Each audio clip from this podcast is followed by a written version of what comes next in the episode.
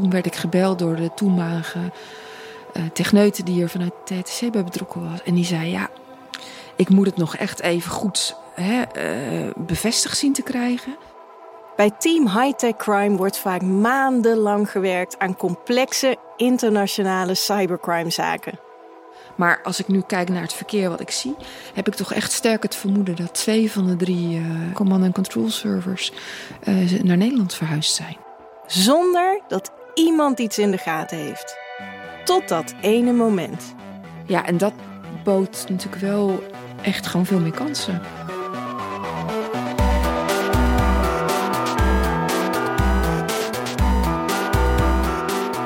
Je luistert naar Takedown, een podcast van Team Hightech Crime van de Nederlandse politie.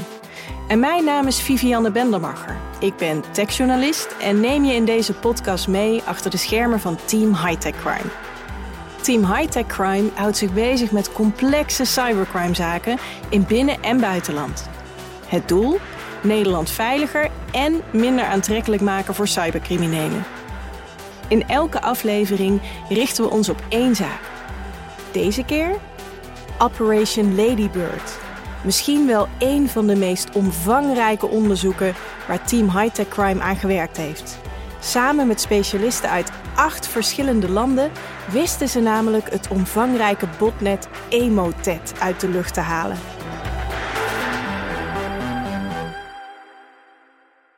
Een mededeling vooraf.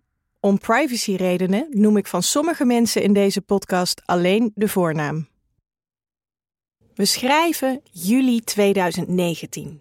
Bij het Openbaar Ministerie en de politie komen signalen binnen van een nieuwe, opkomende versie van een botnet. Daan, digitaal projectleider, wordt als een van de eerste aan de zaak verbonden. Toen waren we als team eh, zoekende naar uh, hoe willen we ransomware aanpakken in Nederland. Ja, er waren een aantal grote bedrijven die allemaal slachtoffer geworden, waren geworden van ransomware. Uh, en het Emotet botnet uh, ja, kwam eigenlijk telkens terug als zijnde dat is veel gebruikt om initiële toegang te verkrijgen tot uh, computers van bedrijven. Emotet is wellicht het meest beruchte botnet uit de geschiedenis. Niet voor niets luidt de bijnaam The King of Malware. Met dit botnet kunnen criminele groeperingen onopgemerkt malware installeren op systemen om bijvoorbeeld wachtwoorden te ontfutselen uit browsers en e-mailprogramma's. En het is buitengewoon lastig om te verwijderen. Deze nieuwe versie zit bovendien uiterst geraffineerd in elkaar. Het botnet bestaat dus ook uit drie command control servers. Uh, daar weer onder dus drie centrale proxy servers. Daaronder allerlei decentrale proxy servers weer. Uh, dat zijn eigenlijk de eerste slachtoffers. Dus je hebt drie botnets die ook nog eens... Elk botnet heeft drie lagen. Ja. Klinkt complex.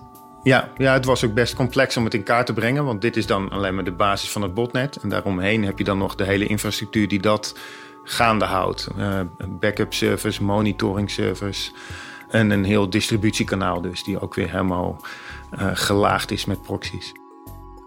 Vanuit de command en control server worden eigenlijk alle uh, slachtoffercomputers centraal aangestuurd. Dus van daaruit worden eigenlijk de commando's verstuurd. En bij Emotet kan je dan nou, simpelweg denken aan installeer deze ransomware of installeer deze vervolg malware om nou, verder op het netwerk te komen van een uh, bedrijf.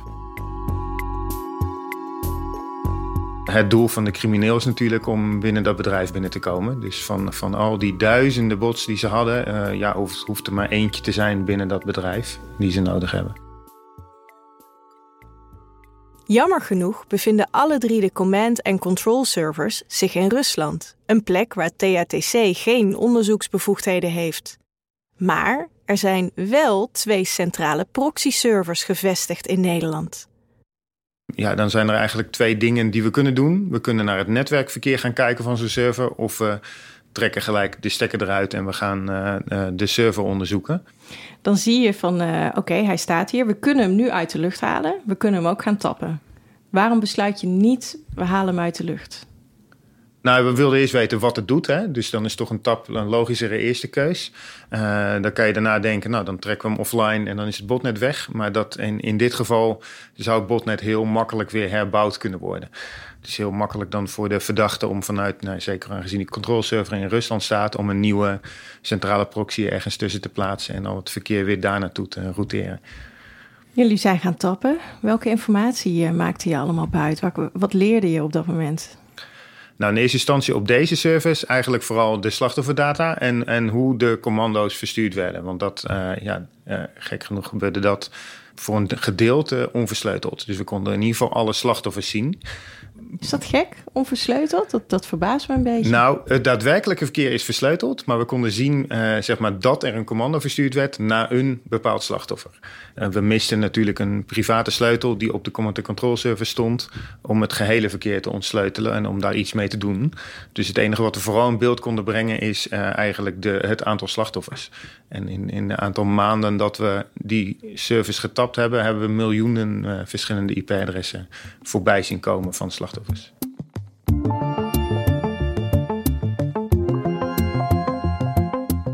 Internet kent geen grenzen. En met miljoenen verschillende IP-adressen wordt al snel duidelijk dat de slachtoffers over de hele wereld zijn verspreid.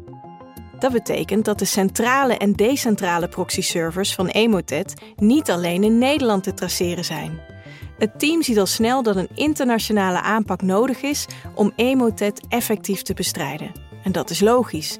Wanneer er in meerdere landen al initiatieven lopen om dit botnet te elimineren, dan vergroot internationale samenwerking de kans op succes. Vanuit het Openbaar Ministerie is Esther als officier van justitie betrokken. En toen was de eerste stap die we gingen zetten, was uh, Eurojust benaderen. Dat is een platform waar ja, heel veel cybercrime-officieren ook bij betrokken zijn. En via Eurojust kan je dan een uitvraag laten doen aan andere landen. Uh, die ook met dit specifieke zaak bezig zijn. En dat was van Oekraïne tot de VS en heel veel landen ertussen. We hebben vooral uh, op technisch vlak, op infrastructuur, vanuit Nederland heel nauw samengewerkt met Duitsland. Ook met hulp van Europol natuurlijk vind je elkaar op een manier toch van uh, dat je, ja, we zijn met hetzelfde bezig en we zijn naar hetzelfde op zoek. Dat kan ook simpelweg ontstaan doordat je een rechtshulpverzoek stuurt en dat andere land zegt: uh, Oh, jullie uh, doen blijkbaar onderzoek hiernaar. Dan willen we eigenlijk wel samenwerken in plaats van dat we zomaar dit rechtshulpverzoek uitvoeren. En Duitsland was al bezig met een private partner om te kijken of ze tot een soort, soort softwarematige update van Emotet konden komen. Dat ze die konden ontwikkelen. Met de bedoeling om Emotet dan in quarantaine te plaatsen. Bijna een soort positieve malware die je dan plaatst. Jazeker. Dus de gedachte was om uh, met een soort uh, goedaardige update te komen. Die zou zeggen: Botje, gaat u maar rustig slapen en u hoeft geen slechte dingen meer te doen. Ja, en, en dat zou dan ergens in een tier 2 uh, laag ingebracht moeten worden. Want dat, dat, dat bevond zich wel in Nederland en in landen waar we waar je bij kon. Waar we bij en tier 3, dat was buiten je bereik op dat moment. Toen we het onderzoek startten en ook toen we de Eurojust bijeenkomst hadden, was tier 3 buiten ons bereik. Nederland bundelt de krachten met in totaal acht andere landen, waaronder Frankrijk, Canada en het Verenigd Koninkrijk. Maar zo'n internationale samenwerking is een complexe onderneming. En als iemand daarover kan meepraten, dan is het wel Matthijs. Ik ben afdelingshoofd eh, van eh, onder andere het eh, team High Crime van de Landelijke Recherche van de Landelijke Eenheid. Eigenlijk heb je het over harmonisatie. Dus we hebben juridische harmonisatie. Dus in een onderzoek kijken we wat mogen we in Nederland volgens de wetgeving en wat mag ons partnerland als we in een samenwerking uh, zitten. En zo uh, moeten we die afstemming ook hebben. Want we kunnen niet zomaar bevoegdheden inzetten zonder dat een rechter in Nederland akkoord is. Dat we het in ieder geval binnen Nederland uitvoeren. Dus je hebt die harmonisatie, maar ook nog een keer de technische harmonisatie. Dus je moet ook nog kijken van data wat we veiligstellen. Hoe zorgen we ervoor dat wij als land wat deelneemt in onderzoek daarmee om kunnen gaan. Maar ook onze partnerlanden. Dus het vergt op verschillende fronten uh, afstemming feitelijk zal het altijd wel getoetst worden volgens de wettelijke kaders. Dus wat voor rechtssysteem hebben we mee te maken? En het Engelse rechtssysteem steekt weer heel anders in elkaar dan het Nederlandse. Dus ja, dat, dat betekent al dat je sommige informatie die je deelt in bijvoorbeeld Engeland uh, openbaar moeten worden gemaakt. Ja, dat zijn allemaal zaken waar je rekening mee moet houden uh, als je samenwerkt uh, met partners in het buitenland. De operatie krijgt de naam Ladybird. De geschatte schade door Emotet is op dat moment opgelopen tot het onwerkelijke bedrag van 2,5 miljard dollar. Emotet zorgt enkel voor de initiële toegang tot het netwerk van een slachtoffer. Maar de consequenties daarvan kunnen desastreus zijn. Neem bijvoorbeeld het Duitse ziekenhuis dat slachtoffer werd. Plotseling ging in alle operatiekamers de verlichting uit. Dus ze creëerden toegang en vervolgens werd je doorverkocht aan een ransomware-groepering. En er verschijnt gewoon op de computer van de beheerder van... Uh, goedemorgen, hier zijn wij. Vervelend voor u dat wij nu binnen zitten, maar mag ik even vangen? En als u wil onderhandelen, dan uh, kunt u uh, met dit en dit kanaal gaan chatten. Dus betekent dat, dat, dat misschien dat het communicatiesysteem niet werkt. Misschien heb je patiëntgegevens niet bij de hand. Dus weet je ook niet wat voor speciale zorg iemand nodig heeft ja, als je mazzel hebt, hangt er nog op een bed hè, nog zo'n kaart met de, met de meest relevante bloedgroep en dat soort dingen. Maar heel veel informatie, daar kun je gewoon niet bij. Dus dat, dat is eh, verschrikkelijk. Dat is echt een nationale ramp. En dat is natuurlijk op het moment dat jij zelf als zo'n organisatieslachtoffer bent, speelt dat. Maar het gaat ook al jou raken als een van jouw ketenpartners of leveranciers dit overkomt want stel je voor dat het bedrijf wat insuline levert gewoon niet meer kan leveren. Of dat het bedrijf wat de patiëntendossiers beheert of opslaat in de cloud of wat dan ook, of onderhoudt, slachtoffer wordt van ransomware. Dus dat is een ramp. Dat is echt een ramp. Ondanks de uitdagingen ontstaat er een solide samenwerking tussen de technische, juridische en opsporingsafdelingen. Met name de samenwerking met Duitsland, Frankrijk en Canada is hecht. En ook de Amerikaanse FBI speelt een belangrijke rol. Vooral bij het plannen van een uiteindelijke takedown. Daar draaide namelijk ook heel veel infrastructuur. Uh, dus om te kijken van ja, wat kunnen we hier nu mee? We hebben toen nou, best wel wat, wat trips gemaakt naar, uh, naar Canada en naar Duitsland en zij naar ons. Om eigenlijk te werken aan een takedown plan. Uh, hoe kunnen we nou dit botnet neerhalen? En eigenlijk de centrale vraag daarin bleef toch altijd wel van ja, hoe kunnen we die uh, versleuteling doorbreken? Die eigenlijk vanaf de command control server gestuurd wordt. Hè? Dus de, de aanname die we toen hadden was: er staat een private sleutel op de command control server. En die hebben we nodig om iets te kunnen doen uh, met het netwerkverkeer om alle slachtoffers te kunnen bereiken.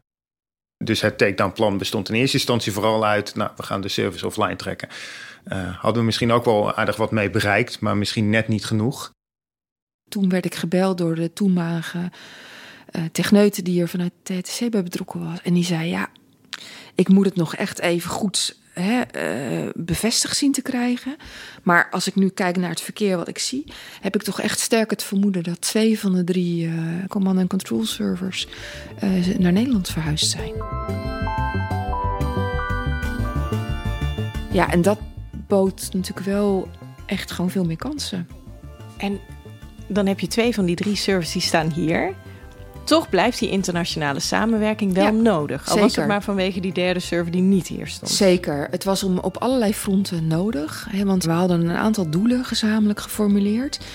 Ja, het liefst wilden we natuurlijk de daders uh, identificeren en uiteindelijk ook vervolgen. We wilden uh, schade voor slachtoffers kunnen beperken. We wilden het liefst ook cryptovaluta in beslag nemen. Uh, en we zouden graag duurzaam het hele botnet uh, willen stuk maken, willen ontmantelen.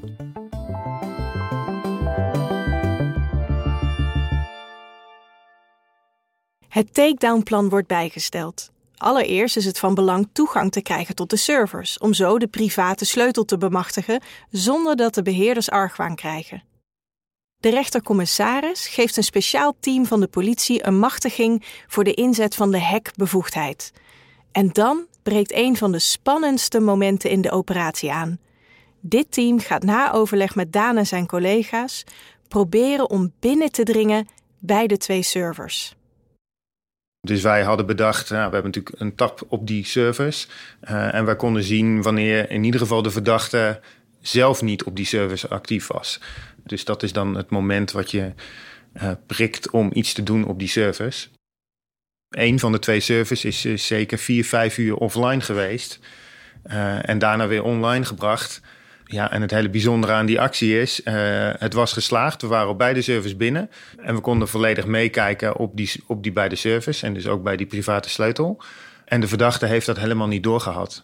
Dus wij zaten wel uh, ook vooral met de andere landen uh, die hierbij betrokken waren te pushen om, ja, nu willen we wel snel ook een takedown gaan voorbereiden. We kunnen nu niet maanden gaan wachten totdat uh, de verdachte wel doorheeft dat we op zijn service zijn binnengedrongen. En ja, voor je het weet zijn die servers weer verhuisd naar Rusland en dan kunnen we niks meer. Met die sleutels kon Duitsland een stuk software voorbereiden die wij middels de command control server eventueel zouden kunnen sturen naar alle slachtoffers. Waarna alle slachtoffers vervolgens. De Duitse collega's ontwikkelen een goedaardige software-update en richten een command en control serverstructuur in om het botnet over te kunnen nemen. Het Nederlandse team zou er vervolgens voor kunnen zorgen dat deze update bij alle slachtoffers terecht kan komen. De update leidt de slachtoffers naar de Duitse server in plaats van naar de kwaadaardige command en control server versturen. Maar dat noemen we dan een sinkhole, want ja, het eindigt op niks. Het opsporingsteam is nu de server van het omvangrijke botnet binnengedrongen. En dat geeft ze een ongekend inkijkje in wat er op de server gebeurt. En ja, daar werd gewoon gezien het, het panel, het beheerpanel van, uh, van de daders. En dat gaf ons enorm veel inzicht in hoe zij te werk gingen. Dat zij, zij bleken op bestelling te werken. Dus ze hadden gewoon een dashboard met statistieken en met uh, to-do's van die dag. En uh, ja, dus dat was waanzinnig nou ja, interessant al om te zien. Hè, ook voor toekomstige zaken, van hoe gaat zo'n groepering te werk. Maar dat het er zo, ja, saai, uh, managerial uitzag. Uh, dat, uh, ja, dat was voor mij wel weer een eye-opener. Ook wel zekere sufheid. ja. Het was aan de ene kant professioneel, maar ook wel, ja, van het is dus ook wel gewoon een bedrijf waar ergens gewoon mensen zitten te werken voor een baas.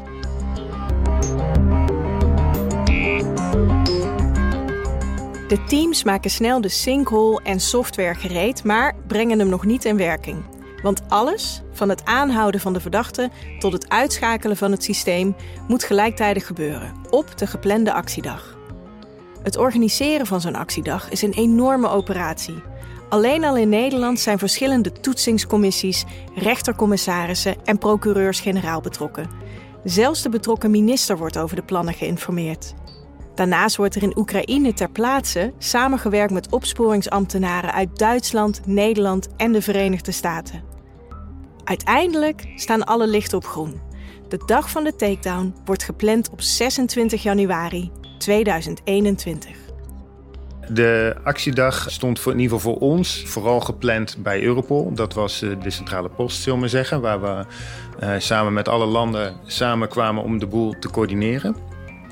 Um, en dat bestond dus enerzijds uit het botnet ontmantelen. En anderzijds was er een actie op de systeembeheerder eigenlijk van de infrastructuur van, van Emotet, die woonachtig is in Oekraïne. Dus er vond een actie plaats in Oekraïne. En dat wilden we eigenlijk tegelijkertijd laten plaatsvinden.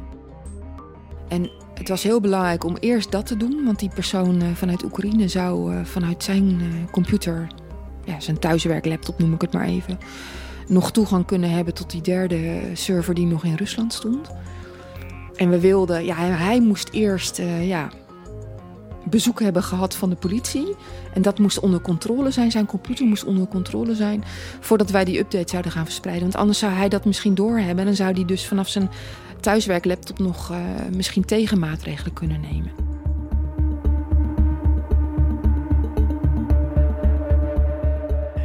Het zag er vrij serieus uit. Een arrestatieteam, ik weet niet van welke eenheid.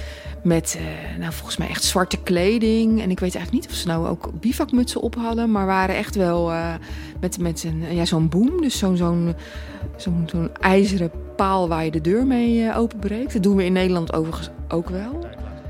Dus op het moment dat de actie in Oekraïne startte, toen zijn we eigenlijk begonnen met, uh, met alle stekkers te trekken van de infrastructuur. En toen zijn we ook begonnen met het stuk software versturen via de, de Command Control Service in Nederland naar de slachtoffers. En er was een soort van scorebord zeg maar eerst links allemaal poppetjes en aantallen met, met computers die nu, nog besmet waren. Die dus nog in handen waren van de dader. En rechts nog aanvankelijk een leeg veld met computertjes die gered waren door ons. Die dus die update hadden opgehaald. Ja, en ja, op een gegeven moment was het natuurlijk 1, de 100. Nou, en die teller uh, rechts die liep uh, op en die aantallen links namen af. Ja, en dat was een gejuich toen we over de duizend gingen, over de tienduizend. Ja, want ja, het had ook gewoon kunnen mislukken.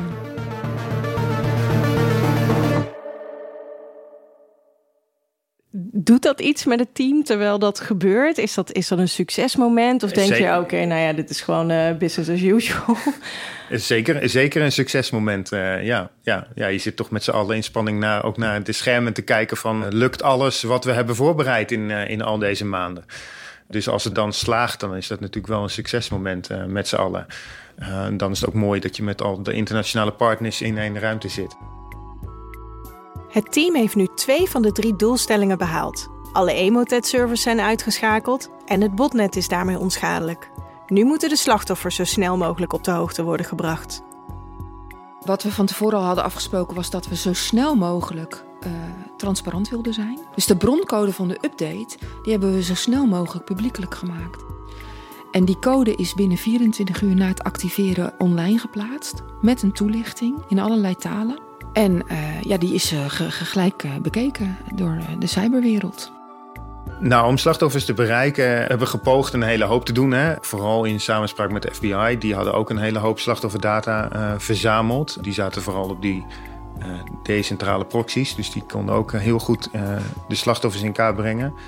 Maar als Nederlandse politie kunnen we ook dingen zelf doen. Zo hebben we een, een Emotet-checker op de politiewebsite geplaatst. Daar konden mensen gewoon zelf hun mailadres invoeren en zien of ze slachtoffer waren. Tegenwoordig hebben we dat Check Your Hack genoemd. Voor latere zaken die de politie gedaan heeft, recentere zaken, kan je naar Check Your Hack. En daarnaast hebben we ook alle data gedeeld met No More Leaks. Dat is een ander initiatief binnen de politie waar bedrijven op aan kunnen sluiten om ja, iets te doen met credentials die uh, van misdaad afkomstig zijn. Om meer slachtoffers te voorkomen.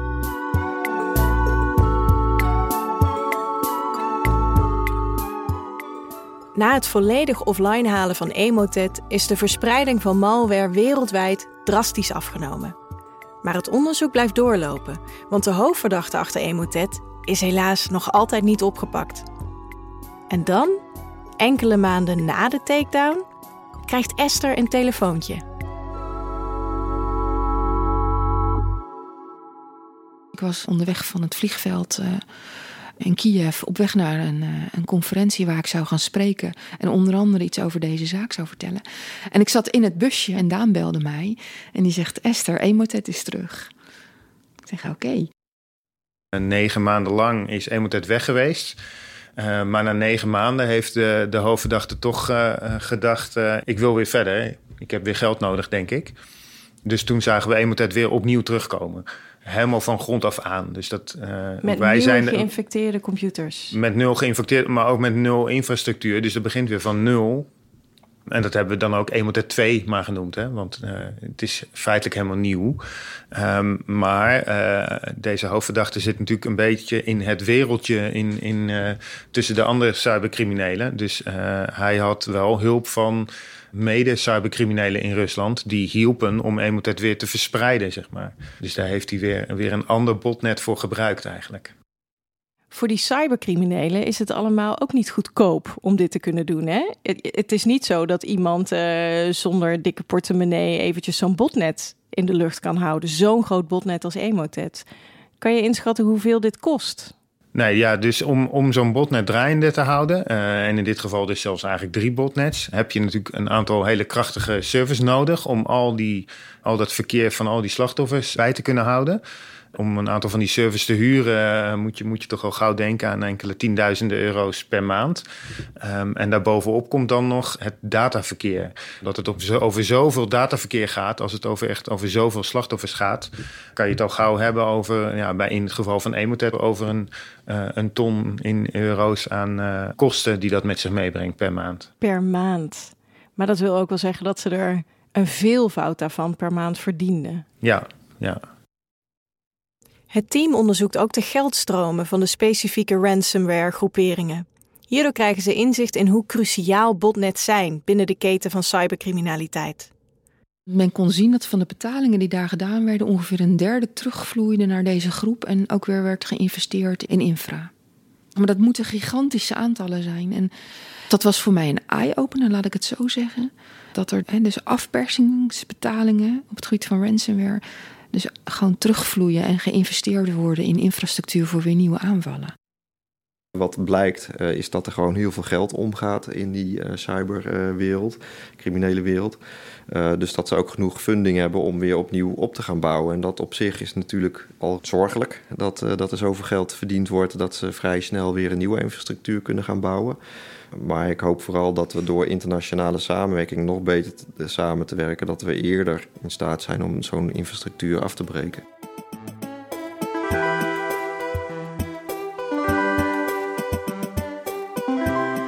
Toch is er ook goed nieuws.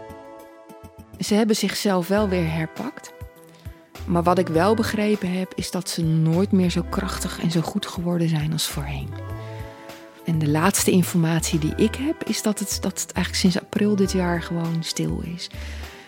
En dat ze ook wel echt een beetje eh, prutswerk hebben geleverd. Dus ja, ze zijn teruggekomen. Maar het neerhalen heeft eigenlijk toch nog steeds effect gehad. Wat heb jij persoonlijk meegenomen van deze zaak? Wat heb je ervan geleerd? Wat blijft je bij? Ik heb ervan geleerd, en het is een enorm cliché, maar dat je samen echt het verschil kan maken. Um, ik heb ervan geleerd dat persoonlijk contact en persoonlijke aandacht onontbeerlijk is. En je kan het heel juridisch heel goed geregeld hebben. Je kan allemaal processen hebben. Maar als je elkaar niet kent, ja, dan mis je toch de parels. En je moet het echt van de parels hebben in dit soort zaken. En ik heb ervan geleerd dat het, wat, het werk wat we doen eh, ongelooflijk belangrijk is. Wat was het meest bijzondere aan deze zaak voor jou?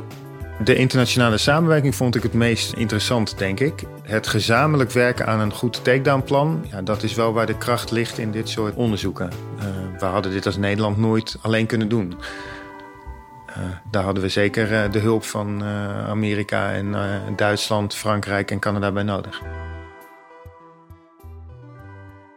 De directeur van de FBI heeft ons onlangs een van de beste teams ter wereld genoemd.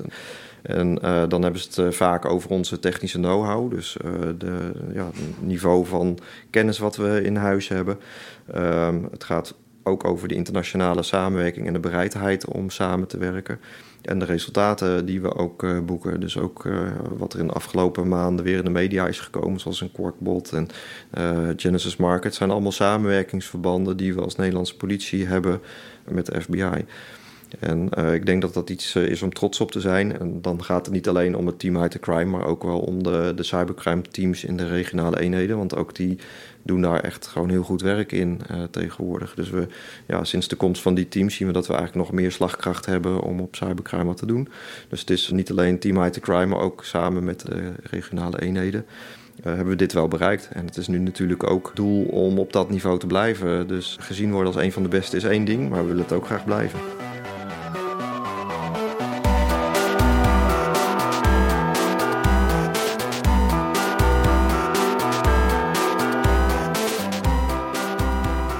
Je luisterde naar Takedown, een podcast van Team Hightech Crime van de politie. En mijn naam is Vivianne Bendelmacher.